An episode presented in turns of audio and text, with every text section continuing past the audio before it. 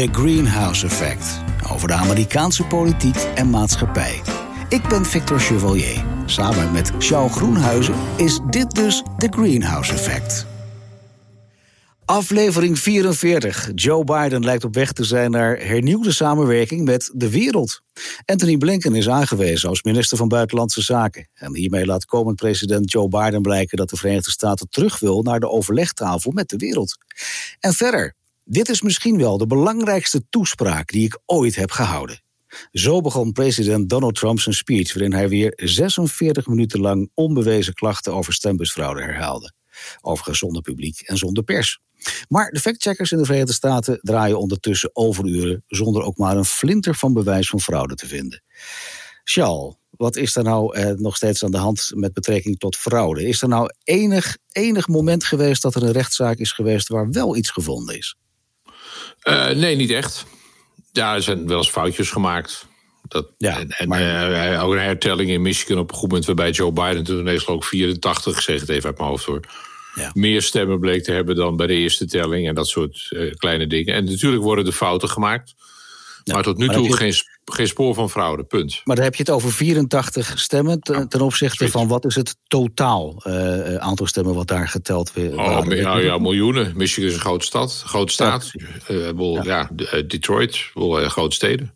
En, maar kijk, fouten maken is één en fraude plegen is twee.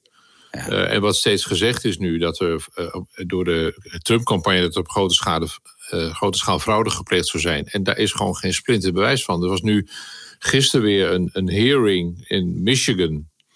En dat, ik heb, wie het wil zien, moet even naar mijn Twitter-account gaan. Ik heb het filmpje erop gezet van een mevrouw die daar ondervraagd werd door congresleden, ook republikeinen, dus partijgenoten van de president. Ja. En sorry, maar die mevrouw die sloeg totale wartaal uit. En dat is, zeggen ze, ja, nee, Michel, je moet wel objectief zijn. Ja, ik stel objectief vast dat deze mevrouw totale wartaal uitsloeg. En of stom dronken was. Uh, zo, zo, zo, ja, of ja, en, en zo erg dat uh, Rudy Giuliani, de advocaat van Donald Trump, zat ernaast. En die probeerde haar een beetje te kalmeren met voorzichtige handgebaren. Want hij wist natuurlijk ook, ja, alles wat ik doe is zo meteen live op tv. Uh, en, en er een beetje te kalmeren. Omdat ze ook voortdurend door die congresleden daar in Michigan heen zat te praten. En te kwaken zou ik bijna zeggen. Maar goed, ja, tot nu toe. Uh, uh, nee, dus. Het, het is opvallend. We hebben wel sombere voorspellingen gedaan voor deze microfoons. Over hoe het toe zou gaan bij die verkiezingen van 3 november. En we waren, Victor, stel ik achteraf gelukkig vast, te somber. Ja. Ja, het is precies. Het is helemaal heel anders gaan lopen. Krakkemikkig maar... systeem, het heeft gewerkt. Maar je hebt wel in die periode ook geroepen dat uh, Donald Trump weliswaar wellicht allerlei ideeën had hoe hij het wilde aanpakken. En dat, daar kwam af en toe wel wat van uit hoe, hoe zijn strategie was. Maar wat voor strategie zou hij nu hebben om, om, om zo te blijven volhouden aan iets wat aantoonbaar onjuist is? Voor Donald Trump spelen feiten geen rol. Uh, dat, dat, is heel simpel. De teller van de truth meter, hè, de, de, de, onder andere een aantal kranten die tellen gewoon hoe vaak die onwaarheden spreekt. Dat staat nu boven de 22.000. Dan zou je zeggen, als Mark Rutte één of twee keer zoiets doet, dan is die, is die werkloos, is het gebeurd. Maar voor Donald Trump speelt dat geen rol. Die kijkt naar de opiniepeilingen en die ziet, Victor, in die opiniepeilingen dat ongeveer 80, 70, 80 procent van de Republikeinse stemmers uh, vindt dat Joe Biden de verkiezingen gestolen heeft.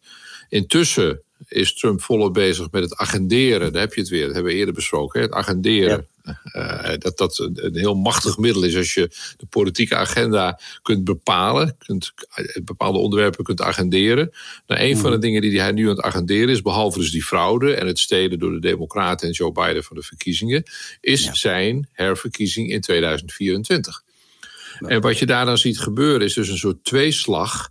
Aan de ene kant, we hebben dat ook eerder besproken, weer slachtoffer spelen en in de aanval gaan. Hij gaat in de aanval over die verkiezingen. Het is één grote frauduleuze bende. Het is nog nooit zo erg geweest in de Amerikaanse geschiedenis. Het is toch een schande voor het land. Dat is de aanval. Uh, en tegelijkertijd in, in, een soort verdedigingswal werpt hij op waar hij achter gaat kruipen. Dat is de verdedigingswal van 2024.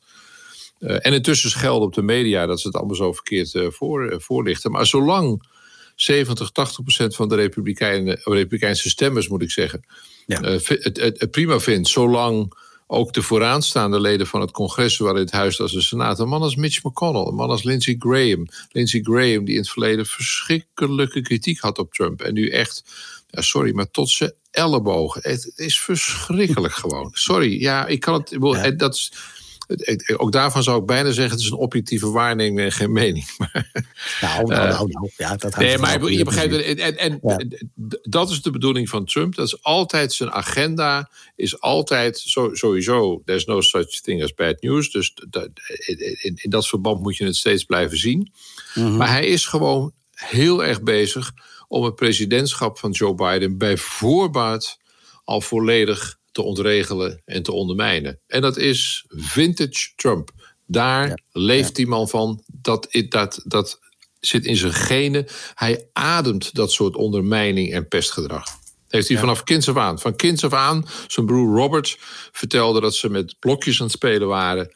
En dat, dat Donald blokjes van hem afpakte. En ik wil even een paar blokjes gebruiken om even mijn, mijn bouwwerkje af te maken. En vervolgens dat bouwwerkje met een soort uh, superglue aan elkaar lijmde. Waardoor Robert zijn blokjes kwijt was. En Trump zei van kijk eens wat ik mooi gebouwd heb. Is dat werkelijk gebeurd? Ja, dat is echt gebeurd. Oh, wat erg. Ja. Hey, maar je hebt het wat erg, maar dat, dat was klein en dat doet hij nou het groot. Ja, hij heeft nu ook een Trump Tower. Misschien ook met, met glue aan elkaar gelijmd. Dat weten we niet. Nou ja, daar, daarvan heeft hij op een goed moment gezegd... toen hij daarbij bezig was met dat plan... vroeg hij aan zijn architecten en, en degene die het met voor hem bouwde. Hij zei van, wat is nou... We zijn, we zijn toch wel de grootste, de hoogste? Ze zei, nee, nee, Mr. President, er stond nog een gebouw... ergens in de buurt wat iets hoger was. En vervolgens wordt het ontwerp aangepast... zodat het wel hoger was. Intussen wel in de, in de lift tien verdiepingen erbij verzinnend. Want tien knopjes zit geen verdieping achter altijd in Trump-gebouwen. Maar het was wel de hoogste. Wie heeft, wie heeft de grootste, maar dan, uh, maar dan 200, op het gebied, 200, ja. 250 meter. Ja, precies. Nou, die heeft hij wel wel. hey, maar je hebt het over 2024. Heeft, heeft ja. Donald Trump zich al geuit of hij eh, eh, theoretisch daar weer aan zou willen meedoen? Nee, dat, kijk, dat doet hij nooit. Dat zal hij nooit doen. Kijk, als hij nu zou zeggen. Zou hij toegeven dat hij verloren heeft eigenlijk. Ja, exact. Ja, exact. Nee, maar en er komt nog iets bij. Dit is een heel belangrijk punt wat je terecht noemt. Want dan zegt oh, je geeft het dus op. Ja. Uh, maar dat voortdurend boven de markt laten hangen. Zoals mm. hij dat deed met de birther movement rond Obama. Zoals hij dat voortdurend doet om dingen boven de markt te houden. Met als enige doel de speculatie daarover. En dat hij CNN aanzet of Fox aanzet op een van die rare rechtse networks. En ziet van dat er eh, geruchten zijn, of dat er berichten zijn, of dat er mensen rond Trump zijn die zeggen dat. Ja. De Donald misschien wel in 2024 kan. Je moet een, een goede primeur, dat is een van de stelregels in de journalistiek, een goede primeur gaat lang mee. Je moet het een beetje mhm. uitsmeren. Je moet dat niet. En je moet het temporiseren. En op een goed moment, wij spreken op 19 januari, als iedereen het heeft over de inauguratie van Joe Biden en Kamala Harris, of op 18 januari, mark my words, dan komt de aankondiging, hij gaat meedoen. Nou, we gaan het meemaken, hoop ik. Um, overigens hoorde ik van de week ook nieuws over dat. Uh, je had het er net ook over Giuliani. Uh, en ik meen ook over zijn oudste zoon. Dat daar al een vorm van amnestie verleend zou kunnen worden. Kan dat? Kan, hij, kan hij amnestie verlenen wat ook niet meer terug te draaien is? Dat zou toch heel raar zijn?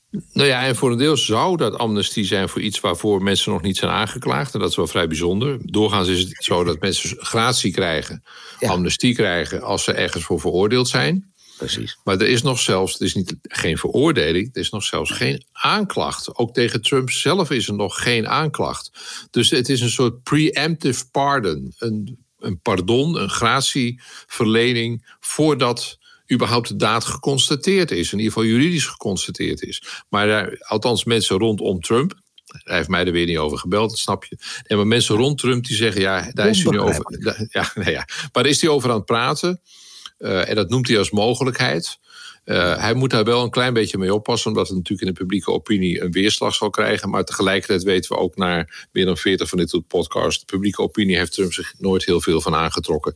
Zijn eigen wil is wet en zijn eigen wijsheid is wet. The best president God ever created. Je weet het nog. Stable genius.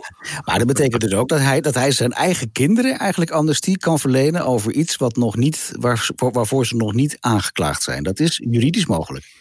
Daar, daar zijn de geleerden het over oneens. Ook over dat, of hij bijvoorbeeld zelf terug kan treden, Pence president wordt en of, die dan, of hij dan een pardon kan krijgen van dan president Pence. Daar zijn de geleerden het niet over eens. Maar het feit dat er überhaupt over gespeculeerd wordt. Maar ook dat is linkersoep op een vergelijkbare manier als wat we net bespraken over 2024. Op het moment dat je zegt dat Eric en Donald Jr. en Ivanka eh, en misschien dus eh, Donald senior zelf een pardon krijgen, dan geef je in mhm. feite toe er is misschien iets verkeerd gebeurd. Dat zullen zij anders uitleggen. Zij zullen zeggen van ja, al die linkse hordes die achter ons aanjagen.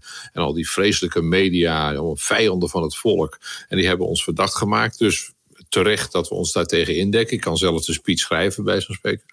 Uh, maar het is wel een deel van de publieke opinie. Ze zeggen ja, maar een pardon, voor wat dan? Kom op.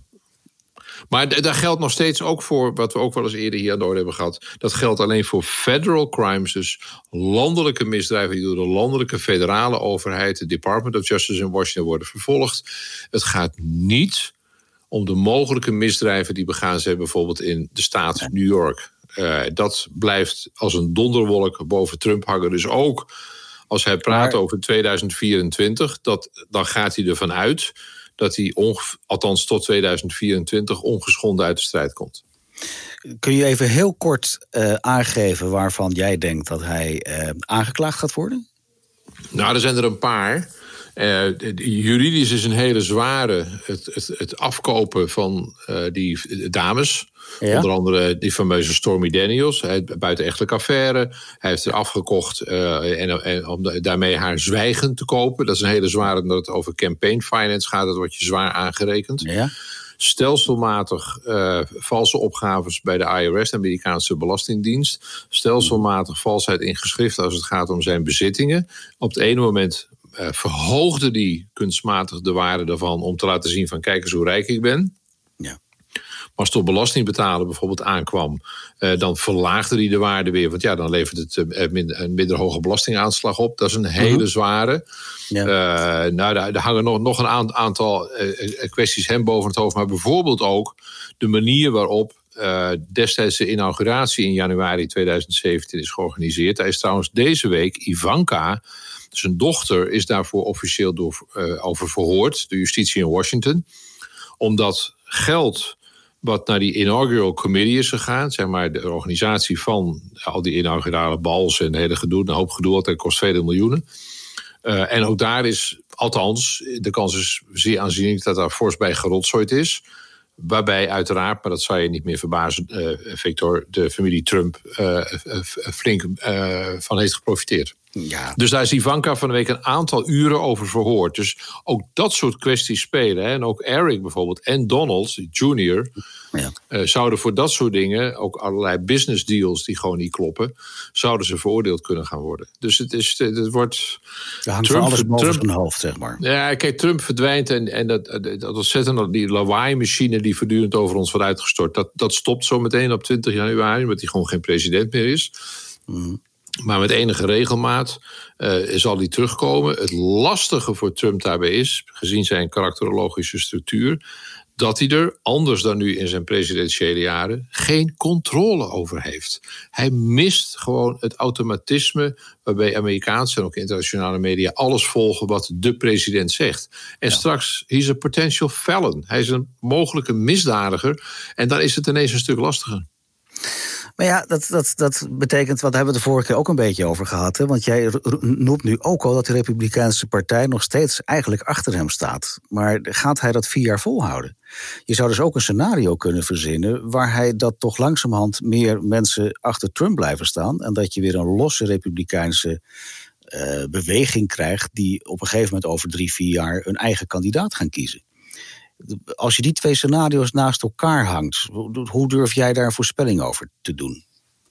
Volgens mij wordt Trump, uh, ik, ik, zeg het nu maar on the record, we gaan dit vast wel bewaren, ook deze podcast. Uh, ik zal het niet verder vertellen, heel zacht. Ja, ja, ja, Hij wordt volgens mij niet herkozen in 2024. En ik betwijfel ook of hij kandidaat zal zijn. Ik mhm. denk, en dat zie je al een klein beetje, zie je dat nu gebeuren, ook bij opiniepeilingen onder Republikeinen, met name ook de smaakmakers, ook voor congresleden eh, de, de, de, meerderheid steunt hem, maar er is een forse minderheid die hem niet steunt. Ja. En je onderschat niet, zometeen verschuift de spotlight, verschuift van Donald Trump naar Joe Biden. En naar mhm. Kamala Harris, die waarschijnlijk high profile zou worden, om alle redenen die we ook hier eerder besproken hebben. Dus ik betwijfel ten zeerste of die Republikeinse partij over vier jaar nog een keer het aandurft met Donald Trump. Vier jaar is heel lang.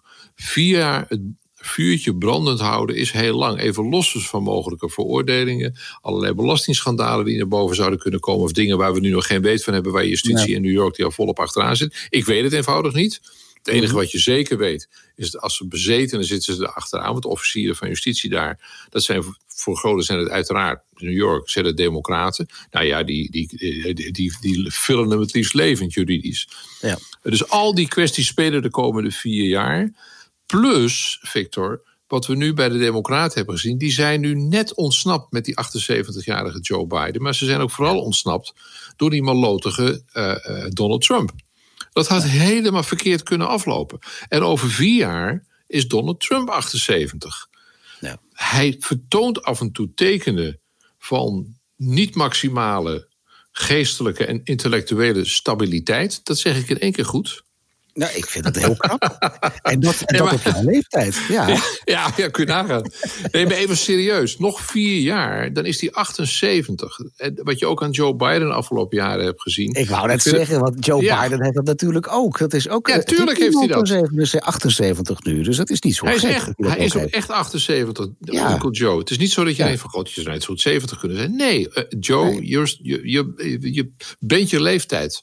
Er zijn, er zijn in Nederland mensen die al 25 jaar met de fut zijn op die leeftijd. Dus dat betreft ja. dat wel heel erg opmerkelijk. Maar eh, nog even terugkomend. Eh, we hebben natuurlijk wel te maken. Want we kunnen wel heel luchtig doen van Joe Biden heeft de verkiezingen eh, gewonnen. Dat is ook zo. Maar eh, we kunnen niet ontkennen dat er een enorme aanhang voor Trump was. En ik geloof best dat daar natuurlijk eh, vanuit de Republikeinse Partij dat dat langzamerhand afkalft.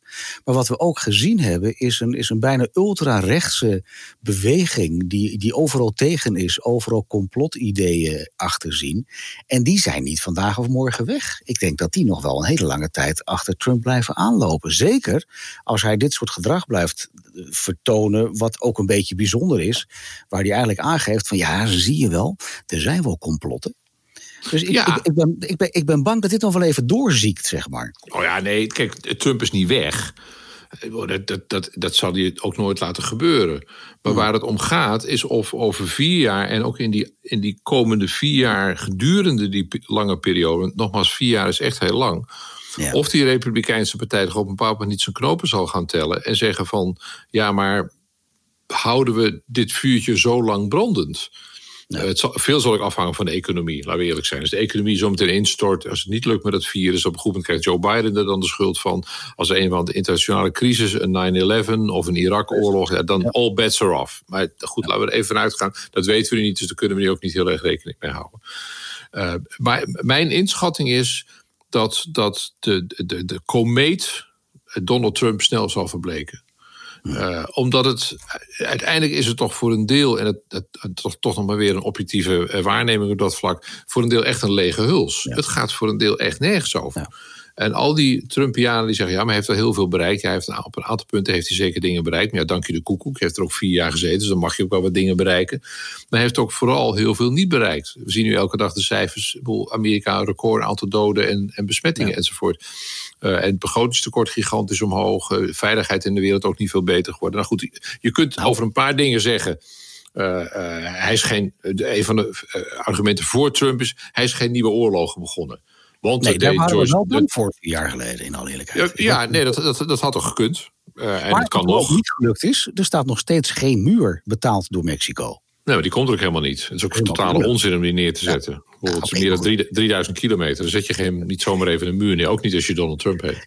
Ik, eh, ik heb nog een hele, hele, hele interessante vraag, vind ik zelf. Want dan vind ik dat we even de positieve kant moeten induiken over Joe Biden. Uh, maar uh, denk jij, zie jij Donald Trump aanwezig zijn bij de inauguratie van Joe Biden? Zie je daar een normale overdracht, zoals we dat kennen in de Verenigde Staten? Of heb je de indruk dat hij zich terugtrekt?